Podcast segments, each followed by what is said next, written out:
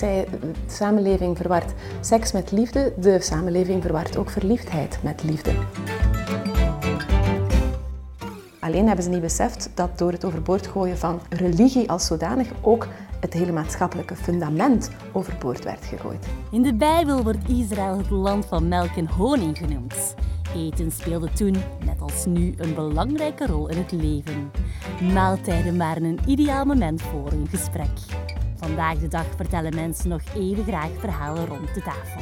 Ik koppel het nuttige aan het aangename en zoek praatgrage gasten op in hun keuken. Op het menu staan boeiende geloofsgesprekken terwijl we werken aan een hemels hapje. Ik ben uitgenodigd bij Nathalie van de Wallen, een echte communicatieve duizendpoot. Ze stolk bij het Europees Parlement, copywriter, schreef het boek Liefdesverklaring en is daarnaast ook nog relatieconsulent. En het is dat laatste dat we vooral willen belichten in deze aflevering. Nathalie is christen en geeft relatieadviezen die gestoeld zijn op de Bijbel.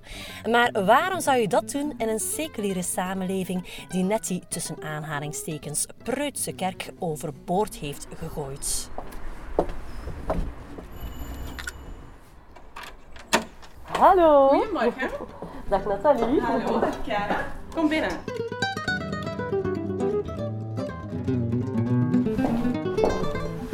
Ziezo, Nathalie, naast praten in dit programma Melk en Honing neemt eten ook een belangrijke plaats in. En aangezien ja, praktisch de hele mensheid gestart is met een bepaalde eetactie, althans volgens de Bijbel, met het eten van eh, de verboden vrucht, dacht ik, laten we de geschiedenis van Nathalie en Chiara ook starten met een eetactie. Uh, maar dan niet met uh, zo'n schadelijk verboden hapje. Misschien kan jij vertellen wat wij gaan klaarmaken samen. Wij maken liefdesappels klaar.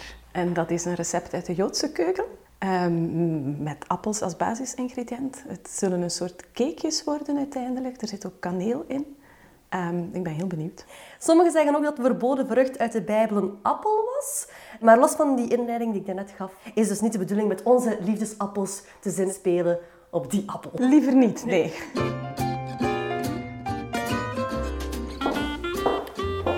...260 gram bloem, 200 gram kristalsuiker, 2 theelepels bakpoeder, een eetlepel kaneel, een halve theelepel tafelzout. En dat is het wat de droge ingrediënten betreft. Voilà. Kijk Nathalie, ik ga jou het meeste werk opnieuw laten doen omwille van de corona-afstand te bewaren. Uh, ik zal zien waar ik in kan bijspringen, maar start het vooral zelf op. Oké. Okay. Uh, jij bent getrouwd hè? en je hebt vier kinderen. Ja. Vind je het dan belangrijk om ook samen met het hele gezin de maaltijd te delen? Uh, of of ja, zien jullie wel dat het uitkomt? Nee, nee, nee. nee. Het, het eten is een gezinsmoment. Ja. Eten is gewoon ook een sociaal gebeuren. Dat is het moment waarop we met z'n zessen gezin zijn en met elkaar kunnen praten. Hoe was je dag? Wat heb jij meegemaakt? Um, ik, zou dat, ik zou dat niet willen missen. Uh, dus bakpoeder, 1 eetlepel kaneel. Je zei het net ook zelf, ons hapje uh, komt uit een Joods kookboek. Ja, en niet uit de Bijbel, want de Bijbel is uiteraard geen kookboek. uh, maar desalniettemin is de Bijbel wel een boek dat in tegenstelling tot veel andere mensen de dag van vandaag voor jou wel nog een bijzondere plaats inneemt. Hè? Ja. ja. Waarom? Ik geloof dat God mij op deze aarde gezet heeft. Dus ik geloof dat God bestaat. En dat Hij wil dat ik Hem leer kennen. En een van de manieren om Hem te leren kennen is de Bijbel. Maar je zou al iemand moeten hebben die bereid is om naar de antwoord te luisteren zonder te oordelen. Want um, vaak word je dan ja, halverwege in de reden gevallen van ja, ja, oké, maar als dat allemaal niet bestaat, dan heeft dat allemaal geen zin, snap je? En niet iedereen is bereid om, om, om te luisteren. En als je dan iemand hebt die wel bereid is om te luisteren, dan kunnen er daar wel heel interessante gesprekken op volgen. En ik lees, ik, ik probeer elke dag in de Bijbel te lezen. Als ik, uh, als ik thuis ben, dan is mijn vaste dagritme uh, de kinderen naar school brengen s morgens en dan thuiskomen. En het eerste wat ik doe, is 20 minuten tot een half uur persoonlijk gebed met het lezen van de Bijbel. Ziezo. Voilà. Zet het gerust even opzij. We komen straks terug voor de rest van het recept. Uh, en dan stel ik voor dat we nu even gewoon ons neerzetten in de living en wat dieper ingaan op wie jij bent, hè? in plaats van op het eten. Oké. Oké, okay, uh, weet je wat Nathalie, voor we helemaal de diepte ingaan, misschien kunnen we starten met dat jij jouzelf even omschrijft. Wel, ik ben Nathalie, ik ben 39 en ik werk ook al 15 jaar als tolk, uh, hoofdzakelijk voor de Europese instellingen. En dan met name het Europees Parlement. Ik tolk daar Frans, Duits, Spaans, Engels en uh, als ik slaag voor mijn examen binnenkort ook Zweeds.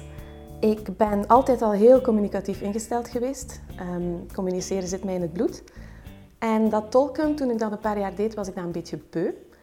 En um, ja, van het een kwam het ander. Ik ben dan een boek gaan schrijven, omdat ik veel belangstelling had voor relaties. En dan ben ik gaan beseffen, goh, met een boek alleen hebben de mensen niet genoeg. En dus sindsdien ben ik ook coach. Maar de rode draad in alles wat ik doe, is eigenlijk, um, ik noem het verbindende communicatie. Dus, dus mensen dichter bij elkaar brengen.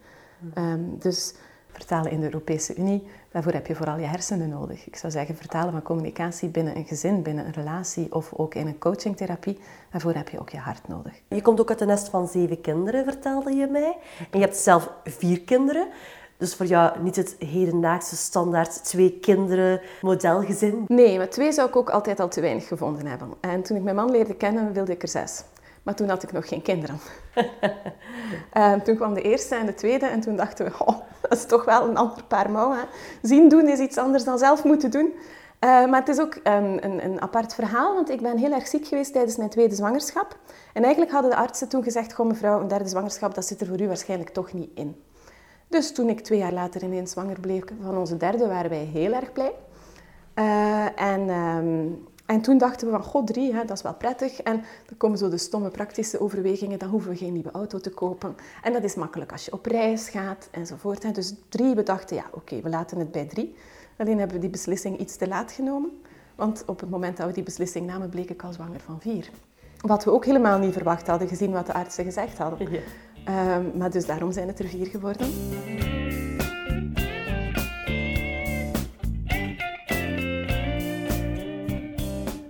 Ik heb het syndroom van Guillain-Barré gekregen. Je hebt ongeveer evenveel kans om dat syndroom te krijgen als om de lotto te winnen. Okay. Ik kan je vertellen, ik had liever de lotto gewonnen. Ja. het is nu eenmaal zo. En dat is een, een syndroom waarbij je normaal gezien je s morgens niet zo goed voelt. En tegen s'avonds ben je verlamd. Kun je niet meer stappen, kun je je bed niet meer uit. En ze noemen dat opstijgende verlamming. De verlammingsverschijnselen beginnen bij de voeten. En in het ergste geval uiteindelijk ook het hart. En dan is het afgelopen. En ik heb er een maand over gedaan om verlamd te raken. En er is nog niemand die mij heeft kunnen verklaren hoe dat kwam. Uh, maar doordat ik niet paste in het plaatje van Guillain-Barré, hebben de artsen heel lang gedacht, het is geen Guillain-Barré, het zal iets anders zijn. En dan ja, spierziekten, multiple sclerose, er zijn een heleboel dingen de revue gepasseerd. En ze vonden telkens niet de wetenschappelijke biologische bewijzen in mijn lichaam. Integendeel, uh, alle tests die ze deden gaven aan dat ik kerngezond was. Maar ik was ziek. En dan krijg je op den duur het verhaal, mevrouw, u heeft stress, u stelt zich aan. Ja. En dus dan was ik verlamd en lag ik uh, op neurologie. Um, maar dachten ze dat het in mijn hoofd zat. Maar zodra ze de diagnose had, konden ze mij behandelen. Maar ja, ik was zwanger, dus die behandeling duurde langer. Um, dat is een ziekte waar je dus ook wel van kan genezen dan? Je hebt 50% kans om een restverschijnselen aan over te houden en om dus verlamd te blijven. En ja. 50% kans om erdoor te komen. Ja, ja. Ik heb geluk gehad.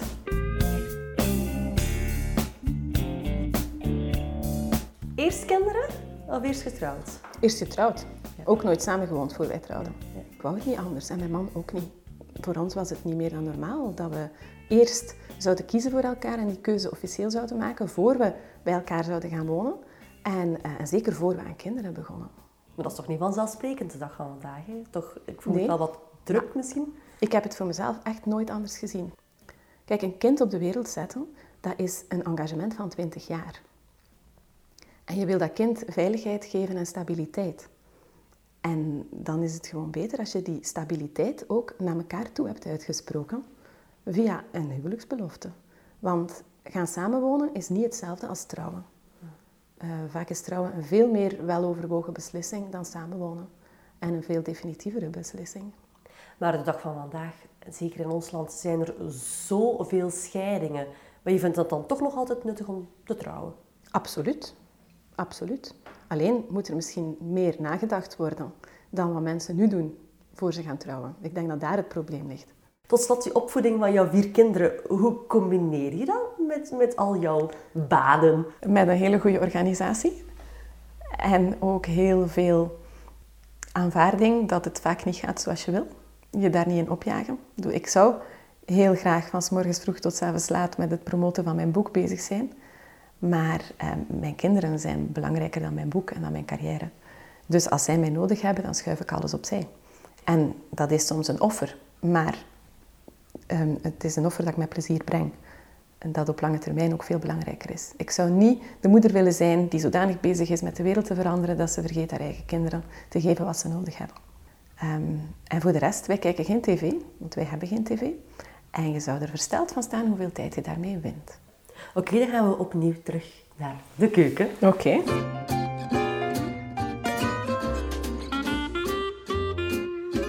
Uh, er moet een appel fijn gehakt worden, ja. dat bij onze bloemmengsel komt. Uh, En dan daarnaast moeten ook de natte ingrediënten gemengd worden. Ben jij diegene die thuis altijd kookt? 9 keer van de 10, ja. Dan zullen veel zeggen, ja, maar dat is sociaal rolpatroon. Maar ik vermoed dat er misschien ook gewoon een hobby achter schuilt. Ja, ik vind het leuk. En ik ben, ik ben heel graag mama. En eten maken voor je gezin is, is een hele mooie manier om voor je gezin te zorgen. En um, toen wij getrouwd waren en nog geen kinderen hadden, toen, toen kookte mijn man ook wel, ja, vaker dan nu. Hij is heel goed in wokschotels. Kijk. Maar dat hebben we dan eens geprobeerd met de kinderen. Tot, het was onze oudste geloof die was toen een jaar of zes. En die zei, mama, papa heeft eten gemaakt en het is rijst met vuiligheid in. met vuiligheid. Sindsdien maken we dus geen wokschotels meer klaar. Het viel niet in de smaak. Nee, absoluut niet. Ik zal ook een bakplaat uithalen om ze op te zetten. Zo, dus Nathalie heeft nu het mengsel bij haar staan en zal uh, de muffinvormpjes daarmee vullen.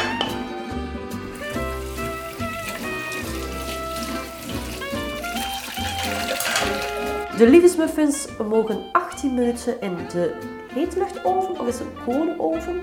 Uh, dit is een hitte lucht.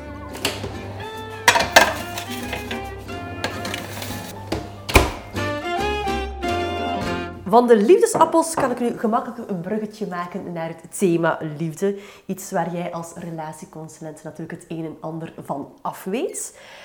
Ik ga direct met de deur in huis vallen. Wat is het recept voor uh, geluk in de liefde? Of alleszins de basis? Ik denk dat er uh, twee tot drie sleutels zijn. Ik denk dat de eerste sleutel is voldoende weten wat liefde wel en niet is. Dus voldoende kennis hebben, voldoende theoretische kennis, voor je eraan begint. En tweede sleutel is jezelf kennen. En een derde sleutel die ik eraan zou toevoegen is zelfvertrouwen. Want als je geen zelfvertrouwen hebt, dan loop je het risico dat je naar een partner gaat zoeken vanuit jouw gebrek aan zelfvertrouwen. En dat je die partner dus zoekt om een tekort bij jou te compenseren. En dan heb je van in het begin al een onevenwichtige relatie. En dat is gewoon een heel slechte basis als het de bedoeling is dat dat levenslang duurt. Jij verklaart in je praktijk hoe liefde werkt. Maar merken uh, mensen in een relatie dat gewoon niet gaandeweg vanzelf wel? Ik sta telkens versteld over hoe weinig mensen weten over hoe liefde werkt. En wat een verkeerd beeld mensen hebben van liefde. Ze denken liefde, dat is er als alles vanzelf gaat.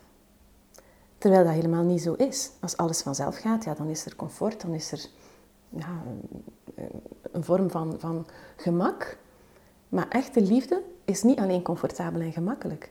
Echte liefde is er ook wanneer het niet comfortabel en niet gemakkelijk is.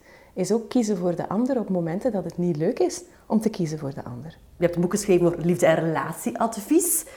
Bestaan er al niet genoeg boeken zo? Er bestaan heel veel boeken over liefde- en relatieadvies, maar ze zijn niet allemaal even verstandig. Uh, sommige boeken vind ik klinkklare onzin. En um, ik denk dat er geen enkel boek bestaat zoals het mijne dat proactief gericht is. Dus dit gaat niet over wat kun je doen wanneer je merkt dat het fout begint te gaan. Dit gaat over wat kun je doen om jezelf alvast goed voor te bereiden. En om in bepaalde valkuilen niet te trappen. Ik begreep ook dat je dat boek schreef naar aanleiding van een jaar waarin allerlei koppels uit jouw vriendenkring uit elkaar gingen. En je dan het leed zag bij hun kinderen. Maar maak ook even een beetje cynisch zijn en dat ook wat bizar vinden. Want de media die houdt ons toch net vaak het beeld voor van succesvolle scheidingen. En dat kinderen daar niet per se onder lijden. Uh, woon je dat toevallig in een uitzonderlijk jammerlijke omgeving? Of zit de media misschien fout? Ik denk dat de media fout zit. Uh, en ik denk ook dat er in de media en in de samenleving in het algemeen ook meer aandacht komt voor die, um, voor die scheidingen waar het niet goed gaat en de gevolgen daarvan voor de kinderen. En daar ben ik heel blij om. Als kind is het zo bij een scheiding dat je in plaats van een thuis ineens twee halve huizen hebt. En dat heeft een enorme impact ook op, op, veel, uh, op lange termijn. En die impact hoeft niet meteen duidelijk te worden. Stel, hè, je gaat uit elkaar en dat gaat allemaal heel netjes. En dus voor je kinderen is er nog niet meteen een impact, behalve dan hè, een week bij papa, een week bij mama. Ik mis ze wel, maar papa en mama blijven goed overeenkomen, doen af en toe nog eens iets samen op belangrijke dagen voor de kinderen. Dat is eigenlijk een, een ideaal geval, een propere scheiding. Um, maar um, het kan dan nog gebeuren dat een van de twee, neem nu de moeder, vijf jaar later een nieuwe relatie begint. En dat die man met wie zijn relatie begint al twee kinderen heeft. En dat die dan ook week om week bij die moeder zijn. En dan kan dat ene kind het gevoel ontwikkelen van, hé, hey, wat is dat hier? Dat is mijn moeder. En ineens zijn er daar twee kapers op de kust. En dat kan ook de basis leggen voor een zekere woede en een, een, eh, een, een probleem leggen in de ontwikkeling van dat kind naar zelfbeeld toe. Ben ik niet goed genoeg? Uh, en dat is eigenlijk ook terug te voeren op die allereerste scheiding. Ik kan daar zelfs nog een, een stap verder in gaan. Uh, die kinderen die zullen ooit ook een relatie hebben. En die zullen ook ooit een gezin willen. Maar ze zullen niet weten wat dat is, een gezinsleven met twee ouders. En ouders die overleggen en samenwerken enzovoort.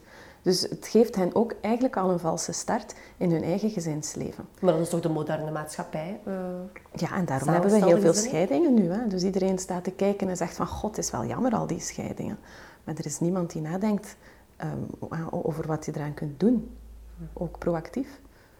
Of die durft te zeggen dat kinderen er zwaar onder lijden. Je maakt je daar helemaal niet populair mee.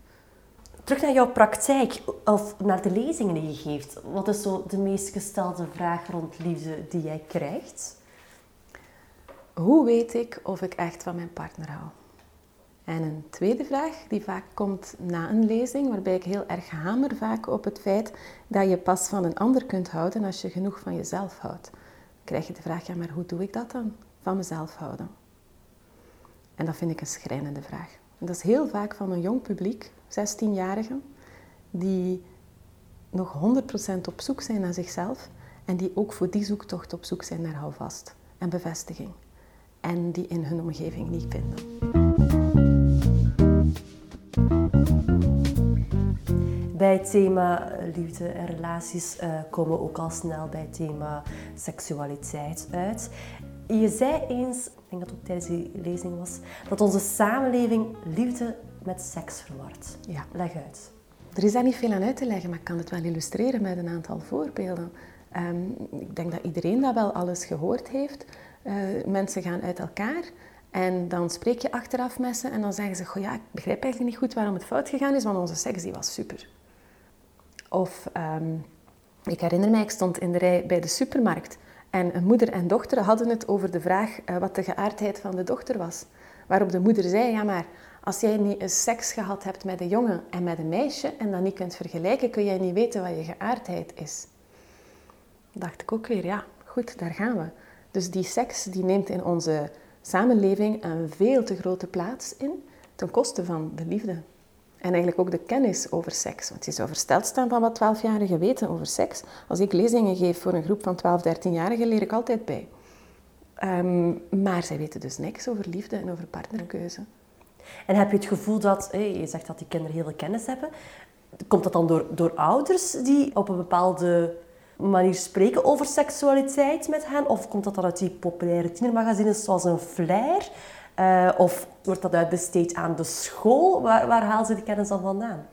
Ik denk hoofdzakelijk uit de samenleving.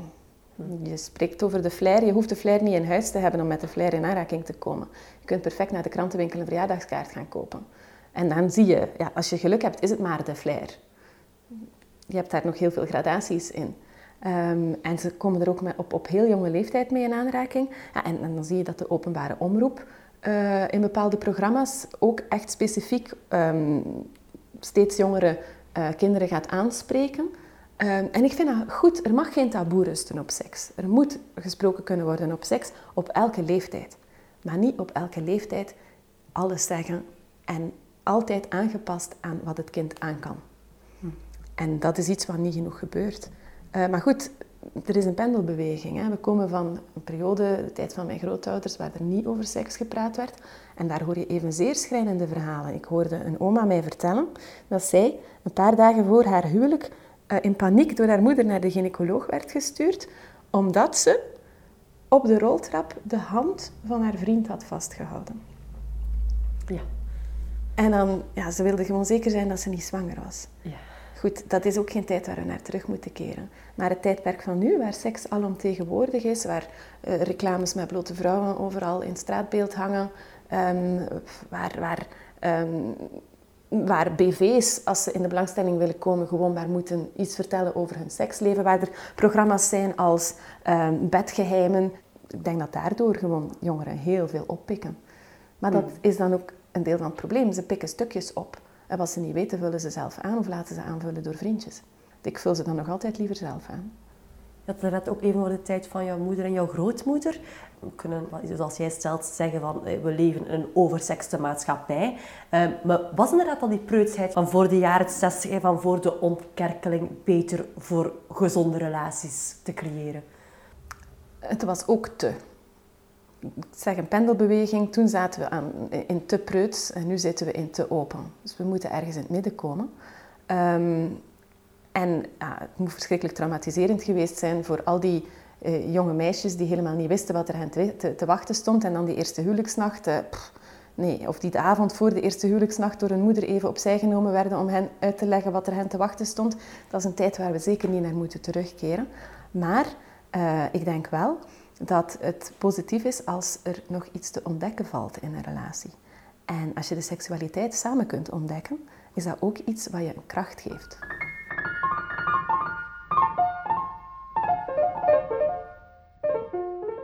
De mensen denken vooral aan restricties wanneer het gaat over uh, geloof en relaties en seksualiteit. Uh, omdat ik denk de kerk zelf ook te lang te veel die restricties Ehm, voor het voetlicht heeft geplaatst. En te weinig het elkaar aanvullend karakter van man en vrouw. En het gezamenlijk levensproject. En, en het passen in Gods plan als koppel ook ehm, mm, heeft gecommuniceerd. De kerk is lang te restrictief geweest. Ik hoorde jou ook tijdens je lezing ook vaak als argument voor allerlei problemen van relationele of uh, seksuele aard zeggen: de samenleving is in de war. Uh, ja, weet je wat ik anderzijds ook vaak de samenleving hoor zeggen over uh, bepaalde christelijke standpunten, is dat ik dan hoor, die christenen, die zijn in de war. Ja, wie is er dan juist? Het hangt ervan af hoe je het bekijkt. Hè? Um, maar ik vertrek vanuit wat ik vaststel in de samenleving. En de basisvaststelling is 30 tot 35 procent van de koppels in Vlaanderen scheidt anno 2021. En 0 procent van de koppels trouwt met de gedachte en we gaan dan later ook nog scheiden. Dus er is een discrepantie tussen wat ze willen, tussen hun droom en wat de realiteit is. En dan ga ik zoeken naar wat is de oorzaak van die discrepantie. En mijn vaststelling daarbij is, de samenleving is in de war. Haal je jouw fundament uh, voor relatieadvies dan zoals elke doorsnee relatieconsulent uit de opleidingssyllabussen die waarschijnlijk al vaker eens vrijzinnig van aard kunnen zijn? Of put je ook inspiratie uit de Bijbel? Uh, want ik veronderstel dat we elkaar soms op verschillende thema's ook tegenspreken. Hè? Ik zet in op het gezond verstand. Ik stel vast dat er in de samenleving tendensen zijn die mij gevaarlijk lijken. En ik denk na over wat er gedaan kan worden om die te counteren. En um, als je dan gaat kijken naar wat je kunt doen, dan zul je merken dat de leer rond seksualiteit die voortkomt uit de Bijbel, bulkt van gezond verstand. Dus inderdaad, ik haal in die zin wel mijn inspiratie uit de Bijbel, maar ik zal het niet zo verkopen.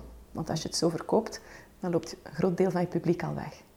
Maar is dat ook niet ergens een beetje gek? Want in de jaren 60, dat je net ook al gezegd, heeft uh, de hele samenleving de kerk en God overboord gegooid. Als de Bijbel dan het recept was voor een goede relatie, dan zou men die toch toen net niet overboord gegooid hebben. Um, ja, ze hebben de kerk en het geloof overboord gegooid omdat ze dat te restrictief vonden. Er werd veel te vaak gezegd, je mag niet dit, je mag niet dat, je mag niet ginder. En um, de jaren 60, dat was een tijd waarin de vrijheid centraal stond. De vrijheid van het individu. Ik, wat ik wil. Mijn vrijheid, mijn behoeften. En niemand heeft daar iets over te zeggen. Uh, en dat is eigenlijk de eerste keer in de mensengeschiedenis dat die menselijke um, of die individuele vrijheid zo op, op de voorgrond is gekomen. En als gevolg daarvan is alles wat restrictief, als restrictief werd ervaren overboord gegooid. Uh, alleen hebben ze niet beseft toen dat door het overboord gooien van religie als zodanig ook het hele maatschappelijke fundament van eeuwenlang overboord werd gegooid. Je kunt ook perfect die christelijke leer overnemen zonder gelovig te zijn. Alleen, dus dan hou je het gezond verstand aspect over. Alleen, dan moet je ook willen inzien dat het restrictieve dat je dat dan jezelf als mens kunt opleggen. Want uiteindelijk, de restrictievere regels van het geloof, hè, je gaat niet meer om het even wie naar bed, om het nu zo te zeggen, uh, die, die krijgen wij vanuit de tien geboden als christenen. Um, als je de tien geboden niet hebt, dan heb je dus een extra horde te nemen, want dan moet jij voor jezelf aanvaarden en verinnerlijken dat het gezonder is voor je eigen geluk, liefdesleven, relatieleven enzovoort, om niet met iedereen naar bed te gaan. Dan moet je dat jezelf opleggen. Dat lijkt me eigenlijk moeilijker dan wanneer dat iets is dat je doet uit liefde voor God.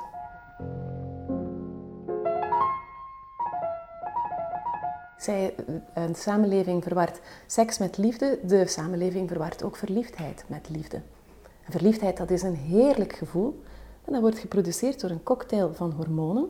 En biologisch gezien kan je lichaam die cocktail maar anderhalf jaar aan een stuk produceren, maximum. Dus als jij denkt dat liefde verliefdheid is, ja, dan klopt het inderdaad dat je denkt, goh, en ik ben nu anderhalf jaar gelukkig met die, hè, want dan is die liefde mij overkomen en dan is het weer afgelopen, maar er overkomt mij dan wel weer een nieuwe liefde. Maar dan ben je opeens 65 of 70 en denk je, oei, nu moet ik alleen oud worden, dat was het plan niet. Dat is die seriële monogamie. En er wordt in de samenleving voorgesteld alsof dat iets is wat geen sporen nalaat. Terwijl dat niet zo is. Als je al vier mislukte relaties achter de rug hebt, dan ben je niet dezelfde persoon als toen dat je in die eerste relatie stapte. En telkens loop je uh, schade op.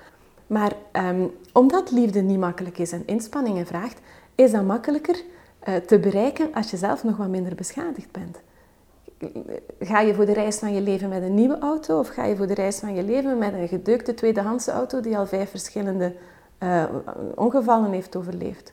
En stel dat je in die eerste mislukte relatie was blijven zitten. Dan was je er beter niet aan begonnen. Hoewel ik daar ook niet te streng in wil zijn.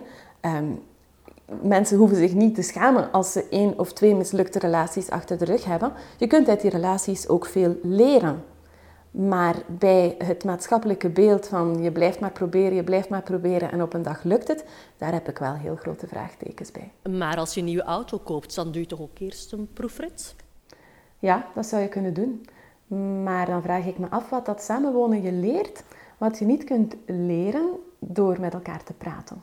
Of je nu samenwoont of niet op dat moment. Of je nu samenwoont of niet op dat moment. Ziezo, het wekkertje is gegaan. We zullen uh, gaan kijken en dan proeven. Hè? Spannend. Wauw. Niet zwart? Nee, nee, helemaal niet. Ja, dat is zo stom zijn. Onze liefdesappels zwart. Ze zijn goed gerezen. Ja, ze zijn mooi. Ze zijn mooi. Rooster. Oké, ze zijn dus inderdaad nog een beetje heet, Nathalie. We kunnen misschien toch al eentje proeven en we zien wel of ons het bevalt. Ze ruiken heerlijk, hè? Maar ze zijn wel heel lekker. Het is toch niet slecht. Dat is een heel gezellige smaak. Een troostende smaak. Als het lukt, uh, dan vraag ik je wel nog een aantal vraagjes. Ja, uh, we maakten dus liefdesappels of liefdesmuffins zoals je wilt. En die verwijzen ook onder andere naar hooglied. Dat hadden we nog niet gezegd, maar het woord liefdesappels komt hier en daar wel in de Bijbel terug. Waaronder in het boekgedeelte uh, hooglied. Een boekgedeelte dat naar mijn gevoel, door zowel christenen als niet-christenen toch atypisch wordt gezien in de misschien verder de preutsere Bijbel, als ik dat zo kan zeggen. Um, maar vertel misschien eerst even voor wie niet echt veel Bijbelkennis heeft, waar het uh, boekgedeelte Hooglied atypisch is. Het boekgedeelte Hooglied wordt vaak omschreven als het eh, liefdeslied dat God zingt voor zijn volk. Ehm, en daarin gaat het over hoe um, mensen van elkaar kunnen houden en hoe ze dat kunnen uiten, ook fysiek. En uh, je krijgt er zelfs uh, informatie over, over hoe, hoe opwinding gaat en welke dingen je kunt, je kunt voelen of denken in de loop van het liefdesspel enzovoort. En dat is niet iets wat je verwacht in de Bijbel natuurlijk. Hè. Heel veel mensen die niet gelovig zijn weten helemaal niet dat er zoiets bestaat als een boek. En ik heb eens een een interview gelezen met iemand die doseert aan de Universiteit Gent in de opleiding Psychologie. Ik geloof dat hij daar een cursus seksuologie geeft. En hij begint met het voorlezen van een passage uit Hooglied. Hmm. En dan vraagt hij aan zijn studenten, en uit welk boek komt dit? En dan krijgt hij geheid als antwoord de Kama Sutra. En dan zegt hij, nee, dit komt uit de Bijbel. En dan zegt hij, ja, dan valt iedereen van zijn stoel natuurlijk. Ja. Uh, dus het is duidelijk uh, een, een atypisch Bijbelboek. Maar toch is dat niet een thema dat gemakkelijk uh, tijdens de mis of tijdens een kerkdienst vooraan zal aangehaald worden. Hè? Nee, maar dat hoeft ook niet. Uiteindelijk, seksualiteit is iets wat je beleeft uh, samen met je partner in de eerste plaats. En waar er pas een derde iets mee te maken krijgt als er problemen opkomen. Uh, maar laat het niet bij hooglied lezen. Zorg dat je ook voldoende met elkaar praat over andere dingen. Want seksualiteit is maar één aspect van je leven, maar één aspect van je relatie jullie gezamenlijk um, levensplan, jullie levensproject is belangrijker dan de seksualiteit daarin.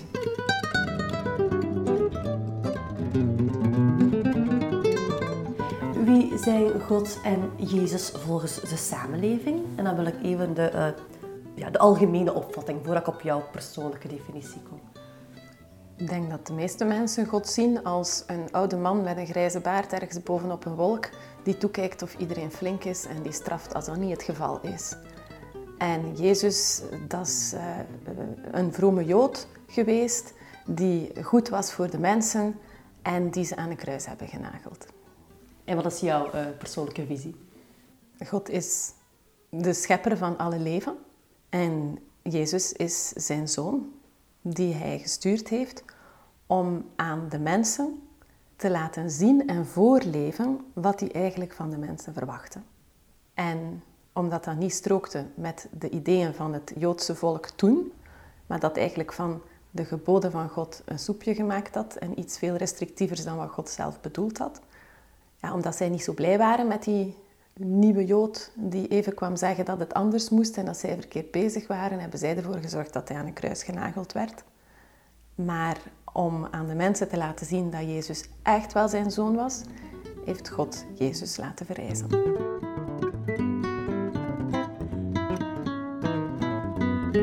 De boodschap, uh, Jezus uh, heeft bestaan, is niet een of ander hersenspinsel en was niet zomaar een vrome Jood, maar was echt de zoon van God en past in het heilsplan van God enzovoort. Als dat het eerste is wat je zegt als je mensen ontmoet, krijg je hem niet verkocht. Met mensen met wie het goed gaat, die zich geen vragen stellen bij het leven en voor wie leven gewoon is, uh, we maken het hier gezellig, want daarna is het toch voorbij. Uh, nee, daar, daar, daar krijg je die boodschap inderdaad niet aan verkocht. Net zoals jou zijn er nog wel een aantal mensen uh, die geloven. Hoe komt dat, denk je? Want de wetenschap veronderstelt toch alles al bewezen te hebben? Omdat de wetenschap niet op alles een antwoord biedt. De wetenschap is zwaar overschat. De wetenschap wordt gepresenteerd als de waarheid, terwijl de wetenschap altijd maar een tijdelijke waarheid poneert. En mensen zijn op zoek naar eeuwige waarheden. Dus de wetenschap presenteert altijd maar een versie van de werkelijkheid en staat altijd maar op een bepaald punt, maar heeft nooit de volledige waarheid en de volledige werkelijkheid. Daarvoor moet je bij iets zijn wat het menselijk verstand vele malen overstijgt. Dus daarvoor zit je al meteen in goddelijke termen.